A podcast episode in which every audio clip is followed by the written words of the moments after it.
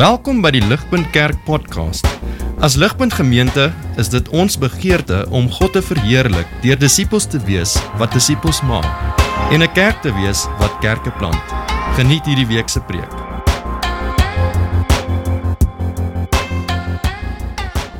mag dalk nie van hierdie plek hou nie. Julle is dalk moeg vir hulle advertensies. Maar wat ons nie kan sê is dat hulle nie 'n briljante verkoopstrategie het nie.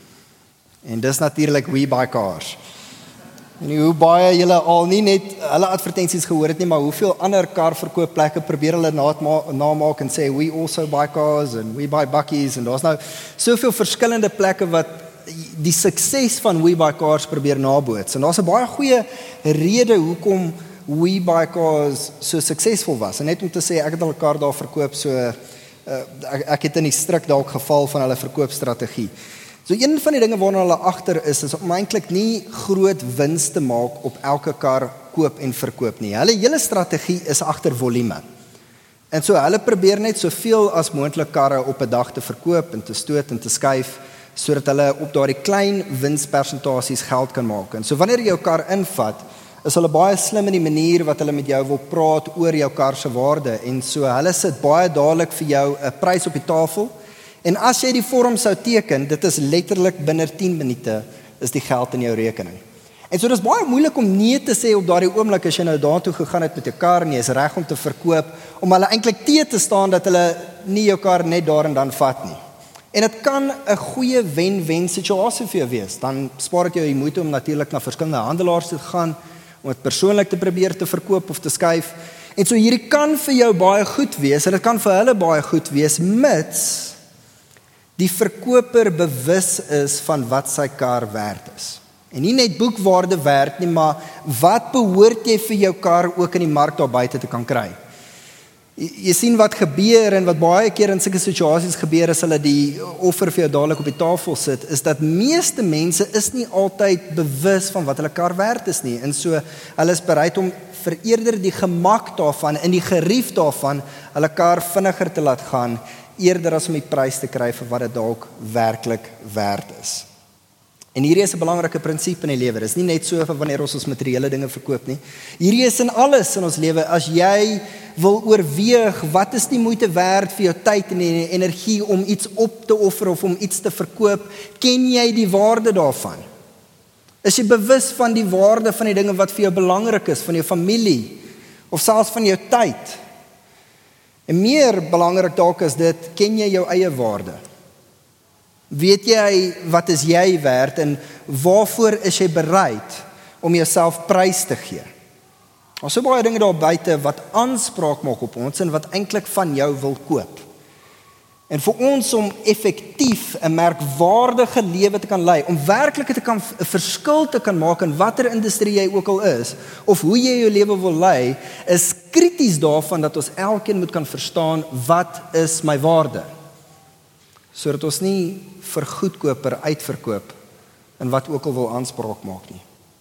Al die boek van Daniël is so 'n goeie illustrasie van dit. Daniël is so persoon, die eienskap van Daniël wat hom nie net 'n merkwaardige mens en man gemaak het nie, maar werklik 'n merkwaardige lewe gegee het, is dat Daniël was baie goed bewus van wat sy waarde is. En dis wat ek wil hê ons moet raak sien vanoggend in hoe hierdie bewustheid hom werklik beïnvloed het en hom die vermoë gegee het om eintlik staande staande te bly staan te midde van moeilike omstandighede.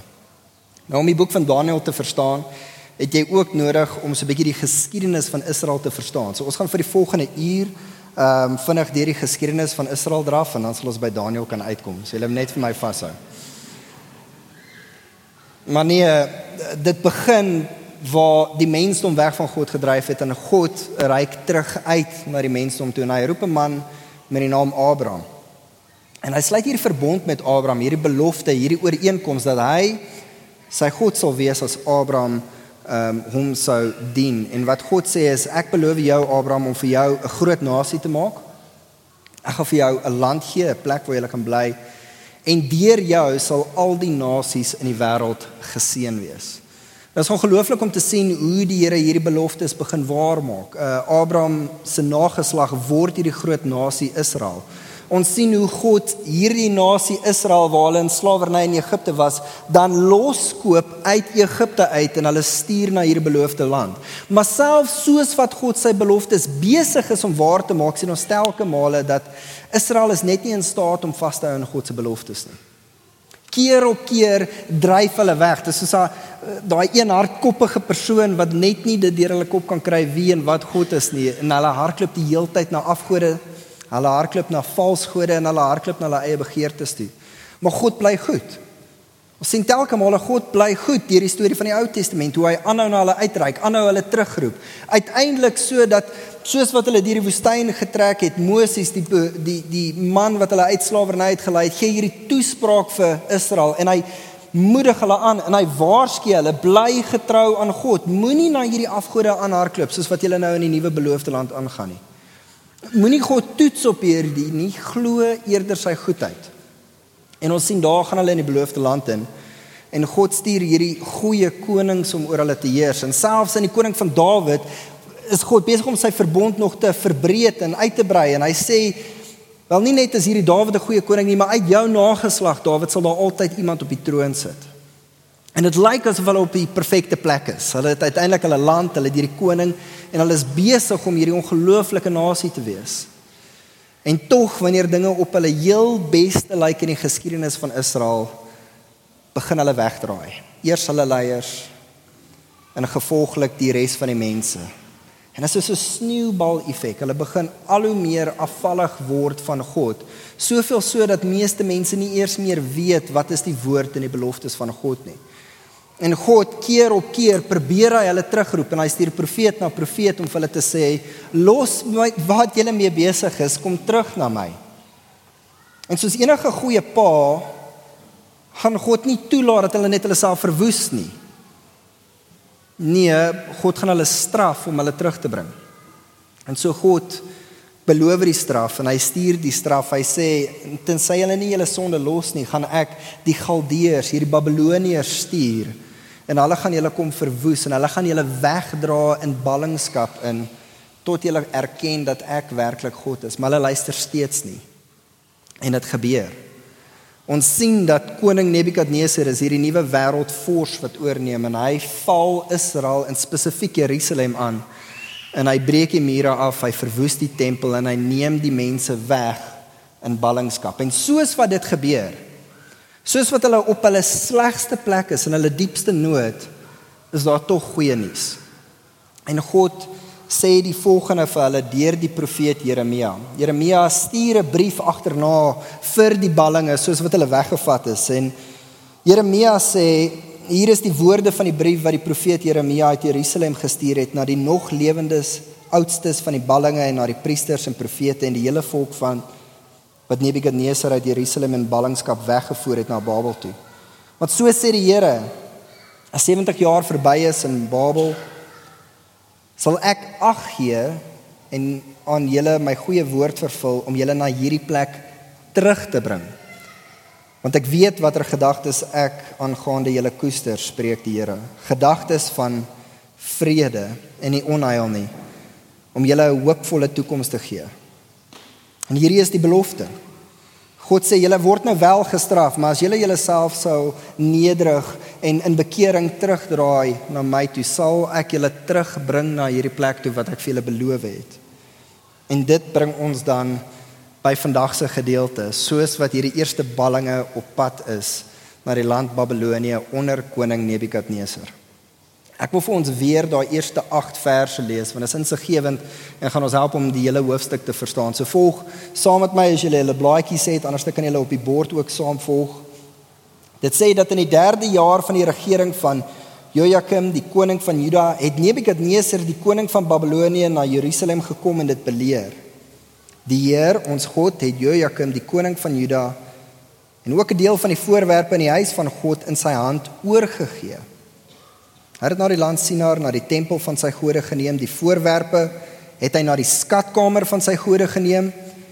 Die koning het Aspenas die Rabar Rabsaris toe aangesê om uit die Israeliete uit die koninklike familie en die vernames jong seuns te bring aan wie daar nog nie enige liggaamsgebrek is nie wat goeie voorkoms het wat insig en alle soorte wysheid het, wat oor kennis en goeie oordeelsvermoë beskik en wat in staat is om die paleis van die koning te dien en in die skrif en taal van die Galdeërs onderrig te word. Vir hulle het die koning volgens die vereistes van elke dag van die koning se kos en van die wyn wat hy gedrink het voorgeskryf sodat hulle vir 3 jaar lank opgevoed kon word om aan die einde daarvan in die diens van die koning te staan. Onder hulle was daar van die Judeërs Daniel, Hanania, Mishael en Asaria. Maar die toesighouer oor die paleisamptenare het hulle name vervang. Daniel het hy Belsasar genoem, Hanania het hy Sadrag, Mishael het hy Mesach en Asaria het hy Abednego genoem. Daniel was egter vas van voorneme dat hy homself nie sou besoedel met die koning se kos en die wyn wat die koning gedrink het nie. En hy het toe die toesighouer oor die paleisamptenare vergunning gevra dat hy homself nie hoef te besoedel nie. So hier's wat dit beteken beteken het in antieke tye as die een nasie die ander nasie verower het. Basies wat dit beteken het, het daar was baie simboliek betrokke by dit gewees. Nie net was ons sterker en beter en slimmer as julle nie, maar my God het julle God gewen. Dis wat dit beteken. En dis hoekom een van die eerste dinge wat jy doen as jy 'n nasie verower het, is jy gaan hulle tempel toe en jy verwoes hulle tempel en jy vat alles wat van waarde is en jy vat dit terug nie net na jou land toe nie maar ook na jou tempel. Want hier is die simboliek wat hulle wil aanhou kommunikeer. Sien hoeveel sterker as ons God is julle God. Daarom vat ons die dinge wat eers aan julle God behoort het en ons bring dit nou as 'n offergawe aan ons God. En so hierdie was baie duidelik vir almal dat uh, op die oogopslag het dit gelyk asof Jahweh God verloor het aan die Babiloniese God En dan verder wat jy sou doen is om jou strategie te vervolmaak om die nasie wat jy verower het heeltemal te verpletter is dat jy wil die beste en slimste mense eerste wegvat in ballingskap. Um, om hulle ekonomie heeltemal te verpletter, val jy vat jy enigiemand met vaardighede uit die land uit.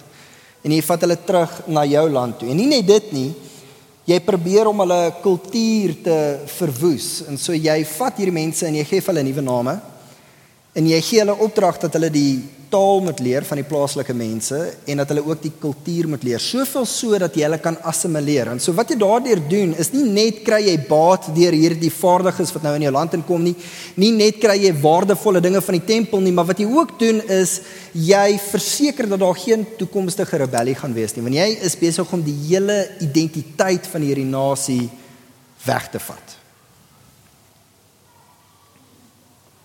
En so anders as wat ons sou doen is, is sou dink is dat indien jy deel van die eerste groep was. So wat gebeur het met die ballingskap is daar 'n uh, groep Israeliete in twee vlae gegaan of was weggeneem na Babilonië toe. Nou indien jy deel was van daardie eerste groep wat weggevat was, was jy eintlik deel van die gelukkiges gewees.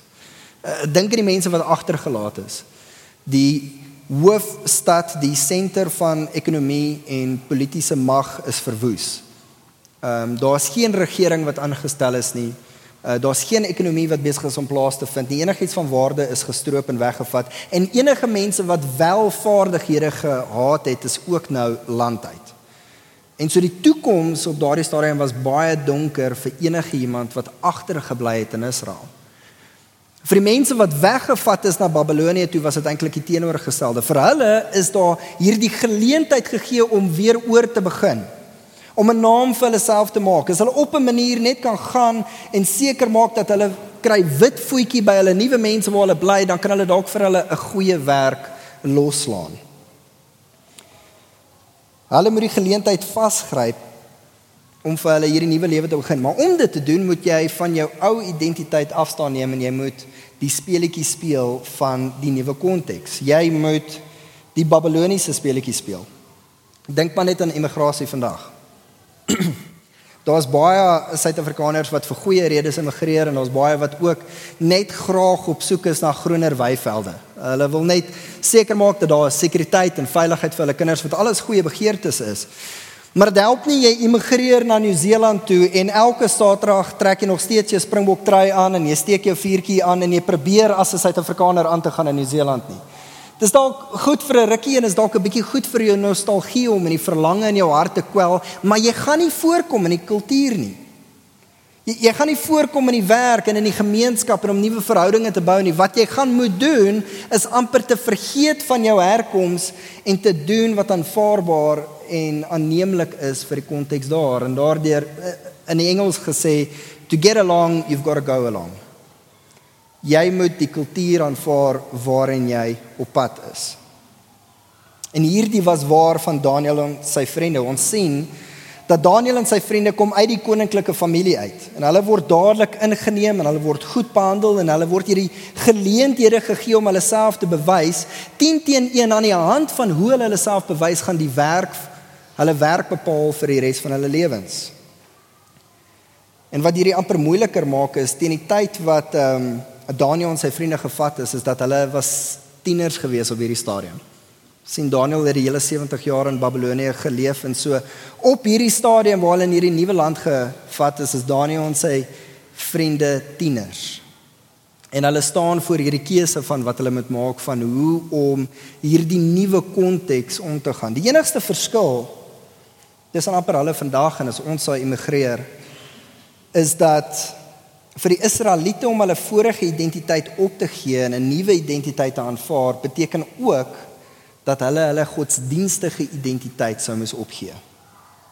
sien veral in antieke tyd jou geloof en jou godsdiens was een en vasgemaak met jou nasionale herkoms. Die twee is vas aan mekaar. En so hierdie Israeliete staan by 'n vurk in die pad. Doen afstand van wie jy was en wat jy geglo het en daar is dalk baie groter geleenthede vir jou op die horison wat vir jou wag. Nou probeer jouself net vinnig in Daniël se skoene sit. Hier's 'n jong tiener laaitjie. Jou land is verwoes. Van sy perspektief af het Jahweh verloor. Daar's nie hoop vir hulle nie. Die toekoms is donker. Wat se hoop is daar vir hulle om aan vas te hou? Alles wat gebeur is, al hulle konteks en omstandighede en ek seker die gesprekke soos wat hulle weggevoer is na die ander land toe was net negatief. Daar's niks wat positief vir hulle lyk op hierdie stadium nie, niks wat vir hulle so bietjie moed of hoop kan gee nie. En nou het hulle hierdie groot besluit, gee op wie jy is of staar die gevolge in die gesig van jy weet nie of hoe seker jou toekoms gaan wees nie. En tog wat ons sien is in die midde van hierdie is daar hierdie vasberadenheid in Daniël. Hierdie gedetermineerdheid wat hom kenmerk lees net weer saam met my vers 8. Dit sê dat Daniël was egter vas van voorneme dat hy homself nie sou besoedel met die koning se wyn en die kos van die koning nie. Daniël het homself voorgenem. Die engel sê Daniel resolved. Hy het die resolve gehad not to defile himself and not with the king's food and drink. Nou hierdie voorneme van Daniël ehm um, is baie groter as net die bekende Daniel dieet. Ehm um, Daniel was nie besig om aan Desember te dink en dat hy in sy speedo moet pas en so hy wou 'n uh, goeie dieet hê van net groente en dat hy reg is vir sy Desember vakansie nie. Nee, uh, die oomblik toe Daniel hierdie voorneme gehad het wat hy mee besig was en hy was werklik bewus van die besluit wat hy genaam gemaak het, is hy was besig om 'n polities godsdienstige stelling te maak. Die stelling wat Daniel hierso gemaak het is ek is wil steeds anders te wees as die plaaslike bevolking. sien my anderste, hanteer my anderste as wat jy die inwoners van Babelonie sou hanteer. Ek is nie bereid om te assimileer nie. En enigiemand op daardie stadium, enige raadgewer van Daniel sou gesê hierdie is politieke selfmoord waarmee jy besig is. Jy's besig om enige vooruitsigte wat jy het op hierdie stadium in die voet te skiet. Deur jou vlag hier te plant is jou toekoms in ernstige gedrang. Maar hoe wat stel Daniel in staat om dit te doen? om hierdie tipe voorneme en vasberadenheid te hê in hierdie moeilike omstandighede en daardie posisie in te neem ten spyte van wat sy konteks vir ons sê. Daar's net een rede. Dis God se verbondsbelofte. Daniel, dis die enigste ding wat hom kon ooreed, was ooreed dat God steeds in staat is om sy mense te onthou en sy beloftes na te kom. Die belofte dat geen om hoe sleg dit nou lyk nie, hierdie is nie die einde nie. Dit is nie die werklike realiteit nie dat indien hulle hulself sal nederig sal maak en na God in bekering en smeking sal aanroep en terugkeer dat God hulle wel sal hoor, dat God hulle wel sou red, dat hy hulle sou herstel en terug sou bring van die land na waartoe hulle weggevoer is. Daniel het hierdie met soveel vasberadenheid geglo in sy hart dat hy nie omgekoop kon word deur Nebukadneser en wat hy daarvoor hom gestel het in terme van geleentheid en 'n toekoms nie. Daniel kon dit doen want hy het reeds besluit dat hy is klaar gekoop en vir baie hoër prys as dit wat Nebukadneser vir hom daar gestel het. Daniel onthou die verhale, hy onthou die stories van Egipte dat hulle in slawerny was, dat hulle sonder lewe was en dat God deur die lam, deur die bloed van die eersgeborene het God hulle gered. God het die losprys betaal. Dis hoekom ons die woorde vrygekoop gebruik. Wat se prys kan jy op jou lewe sit? Daniel sê gee nie om wat jy vir my hierso aanbied nie, ek my lewe is meer werd. En so ek wil daaraan vasklou aan die een wat my reeds gekoop het. Vir my veel meer waarde. Hy was as te ware uitverkoop aan die idee van God se beloftes.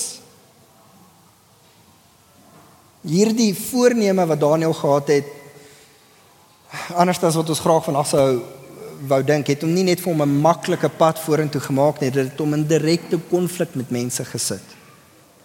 En God was daarom vir hom goed in hierdie situasie. Ehm um, hy het die toesighouer eintlik in 'n moeilike posisie gesit want as hy sou toelaat dat Daniel net doen wat hy do, wil en eet wat hy wil en Daniel lyk maar en sieklik na 'n sekere tyd, dan sou hy die toesighouer verantwoordelik gehou word vir Daniel se swak gesondheid. Maar soos wat God goedgesindheid vir Daniël gee in die oë van hierdie toesighouer, laat hy vir Daniël toe om getoets te word vir 10 dae. En dit lyk goed. En Daniël kry toe die toestemming om vir die volgende 3 jaar afgesonder anders te gehanteer te sou word as die res. En na 3 jaar sien ons kom die eindeksamen wat hulle almal voor die koning gebring word.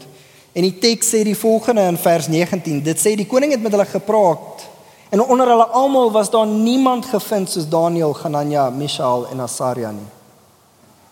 Hulle het by die koning in diens getree. En in verband met enige saak wat wysheid en insig geverg het waarvoor die koning hulle uitgevra het, het hulle 10 maal beter gevind as die waarsêer priesters, golaars en sy hele koninkryk.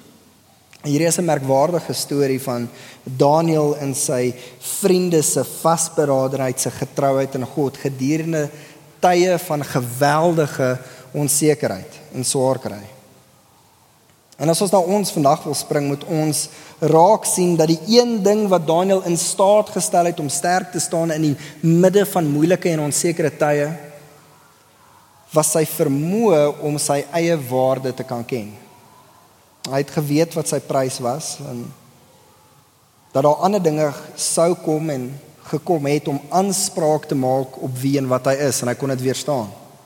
En indien ons onwrikbaar soos Daniël wil wees, wil vas staan te midde van moeilike tye, het ons ook nodig om uitverkoop te wees aan iets wat meer waardevol is as wat die wêreld ooit sou kan aanbied. Soos goeie Afrikaners het ons gewoonlik baie goeie morele waardes en ons weet waarvoor ons staan en ons is mense van integriteit of dis ten minste ek dink waarop ons aanspraak maak. Die vraag is en ons wil nie sinies wees nie dat elke mens het sy prys.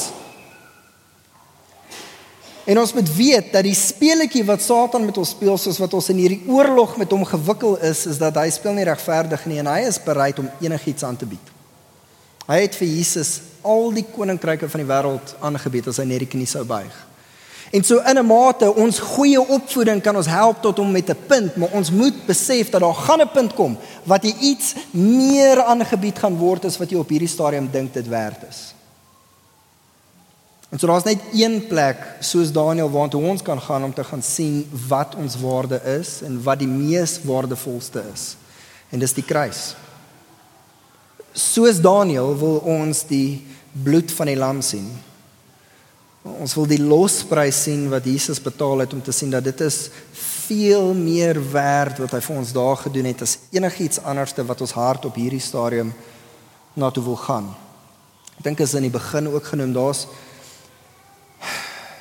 ek, dink nie dit is 'n vergroting of ons oordryf as ons sê dat dinge is regtig moeilik op hierdie stadium in Suid-Afrika.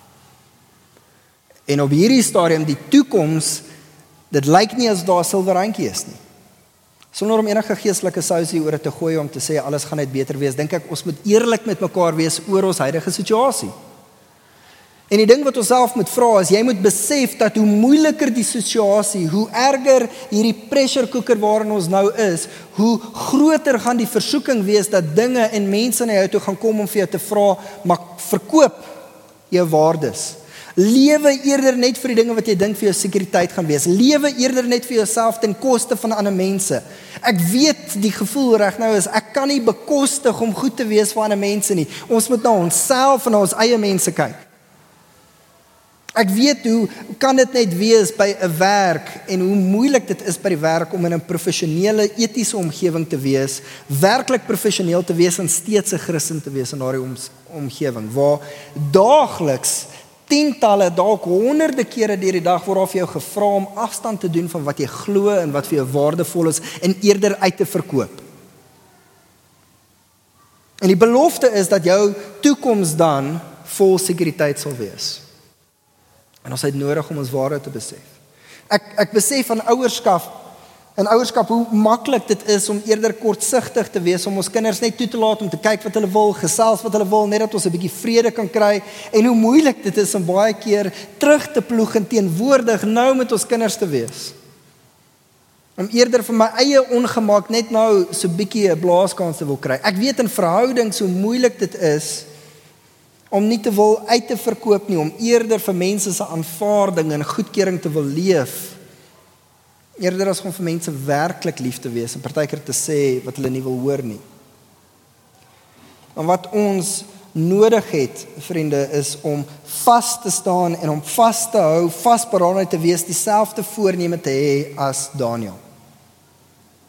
Dit is gewoonlik in hierdie deel van die preek waar ek nog so 'n paar toepassingsdinge sê en ek kry ons en ons loop hier uit en ek voel ja, ek moet hierdie dinge doen en ek wil dit gaan doen, maar om eerlik te wees, Ek het weer in hierdie preek gewerk en ek het ongelooflik depressief geraak soos wat ek hieraan gewerk het. Ek het net besef hoe ek niks van hierdie dinge doen nie. Ek, ek het net besef, joh, maar ek het klaar uitverkoop. Ek het reeds my siel verkoop. Ons kan hier staan en ons kan maak asof dit net so eenvoudig is en dis wat ons wil doen as Christene, maar die realiteit is so anderste. En is so gereeld dat ons dikwels nie eers besef en bewus is van die feit dat ek besig is om uit te verkoop nie. Maar so gereeld het ek eerder die maklike pad gekies. So gereeld het ek net vir myself gelewe. So gereeld was ek nie vol genade gewees nie. So gereeld het ek is ek konstant besig om my eie planne te maak om seker te maak maar ek sal my uit hierdie put uitkry. Ek moet sorg vir my familie. En ek lees hierdie en ek voel maar ek is glad nie soos Daniël nie. En gee nie om hoe hard ek probeer nie, ek voel ek kan nooit soos Daniël wees nie. Ek dink is hier en ons ons gaan dit nie nou doen nie, maar waar ons weer hoofstuk 1 van Daniël moet lees. En ons moet eintlik agterkom wie is die hoofrolspeler in Daniël 1. Ek weet nie wie of julle dit opgemerk het nie. God het Israel in die hand van die Babiloniërs oorgegee. God het seker gemaak dat die oorsigter goedgesind was teenoor Daniël en hulle vriende. God het Daniël en sy vriende geseën met wysheid en kennis. God het hulle die vermoë gegee om drome en visioene te interpreteer. God het, God het, God was aan die werk. Die heeltyd wanneer ons dink Daniël moet nou vas staan en Daniël moet hierdie doen, die eintlike rolspeler wat nou aan die werk was, was God. Die punt van Daniël 1 is nie dat ons met ons sokkies optrek en soos Daniël net sterker glo en dan God gaan God ons seën en dan gaan ons aan die ander kant uitkom nie. Dis leë beloftes. Situasies was steeds moeilik. Daniël was steeds 'n gevangene. Die storie het hier nie hier geëindig nie. Dit raak nog bitter moeilik in die boek van Daniël. Nee. Die punt van hierdie storie het baie minder te doen met wie Daniël is en baie meer met wie God is. Die punt van die storie is is dat God is getrou selfs wanneer sy mense ontrou is. Die boek van Daniël is God se mense wat ontrou was. Hulle is daar want hulle het dit nie gemaak nie. En tog wys God sy goedheid en sy getrouheid dat hy hulle daar kom red wanneer hulle droog gemaak het. Wanneer hulle nie verdien het om terug te kan gaan na God nie, dis waar hulle God hulle gaan haal. Die punt is dat God getrou aan sy beloftes is en aan sy verbond selfs in die tye wanneer ons ontrou kan wees. En so ons moet weer kyk na die kruis. Nie net is dit 'n storie van die losprys en die kosbare bloed wat Jesus betaal het nie, maar dink oor die omstandighede hoe dit gelyk het by die kruis. Jesus het verloor. Dit was 'n donker dag. Letterlik het dit donker geword. Dit het gelyk asof alles te vergeefs was. Jesus is in die graf en dit is in die donkerste moeilikste tye wanneer God die deurslag gegee het. Is in die tye wanneer die disippels Jesus gelos het en weggehardloop het wat God sonde oorwin het. En so nie net sien ons ons waarde in die kruis nie, maar ons moet kyk na die leë graf en ons moet sien dat God het oorwin sodat wanneer ons nie oorwin nie en ons nie sterk staan nie, weet ons dat die volgende oggend is daar steeds genade vir ons. Dis wat ons gaan kry om vas te kan hou. Dis nie ons vermoë om net nou in hierdie moeilike harde tyd in Suid-Afrika die regte besluite, die goddelike besluite kan maak nie, maar besef jy dat God wil jou gebruik in jou gebrokenheid. Dat dit is juis in daai tye waar jy keer op keer kort kom wat die evangelie die duidelikste skyn dat die deurslaggewende faktor is nie jy nie, dis Jesus. Dat ons getuienis is gewortel in sy goedheid, in sy vasberadenheid, sy onwrikbaarheid soos wat hy in ons vashou. So julle ek ek wil klaarmaak om te sê ek weet nie waar jy is vanoggend nie. Ek weet nie of die onsekerheid van hierdie situasie soos met my en julle harte en kele amper toeknyp dat ons nie weet wat se pad vorentoe is nie dat ek wil graag hierdie persoon wees wat die regte dinge doen maar ek voel net nie in staat nie. Ek dink dit is daar in ons tekortkominge waar ons dit verkeerd gekry het waar ons die oggend moet sien dat dit is daar waar Jesus ons kry en vir ons genade gee. Is daardie genade wat jy sien nêrens anders in die wêreld sal jy dit kry nie. Oral anderste in die wêreld is jy waardig gekoppel aan wat jy kan gee. Jy mag dalk vervreem wees, jy mag dalk nog onseker wees oor 'n Christendom. Jy het al gehoor van die dinge wat ons moet doen, jy het al gehoor jy moet vashou en jy moet vol vasberadenheid wees. Hoor dit weer soos wat ek afsluit. Christendom gaan oor ons tekortkominge, maar Jesus se goedheid. Ek sluit af met die woorde van Paulus in Romeine 8. Hy wat self sy eie seun nie gespaar het nie, maar hom vir ons almal oorgegee het, hoe sal hy nie saam met hom ons ook alles genadiglik skenk nie? sien Jesus sien die kruis sien hy het opgestaan en hou daaraan vas. Amen. Here in hierdie tyd van die jaar waar ons reflekteer oor 'n jaar wat verby is en waar 'n jaar wat gaan, voel dit ons sit nog steeds hierdie amper hangover van die laaste 2 jaar van COVID en dinge wat moet gebeur in die politieke, ekonomiese, sosiale onsekerheid vader. Eh, en ons moet bieg dat soveel tye wanneer dinge vir my net vir 'n kort oomblik kan maak beter voel, wil ek op die oomblik daarso dit koop en myself uitverkoop en myself vir daardie dinge gee wat ek dink vir my sekuriteit gaan gee en myself gaan laat beter voel eerder as om te gaan en om te sien dat langs my in die stof is U Jesus, is U die een wat my daar kom red het. Here, ek bid dat ons kerke hierdie gemeenskappe sal wees, nie van die perfekte mense nie, van die mense wat kom sien hoe perfek Jesus is en was. Ek bid vir mense wat vanoggend juis hier sou sit wat voel dat hulle hoort nie hier nie, hulle kom nie mas op nie. Dat hulle het nie dit om te bied wat jy eintlik voorsoek nie en dat hulle sal kan sien dit is mense soos ons en ek wat u voorkom sterf het. En dat daardie waarheid ons dan sal aanspoor om wel merkwaardige mans en vrouens en merkwaardige lewens te kan lei, lewens wat nie gesentreerd is rondom ons nie, maar lewens as ons die storie weer sou vertel soos Daniël dat ons sou kan sien en sal kan skryf God het. Hy was toe getrou al was dit onseker. Hy is getrou en ja, ons glo hy sal getrou wees en hy sal terugkom. Ons bid hierdie in U naam God. Amen. Vir meer inligting oor Ligpunt Kerk, besoek gerus ons webwerf op www.ligpunt.com of kontak ons gerus by info@ligpunt.com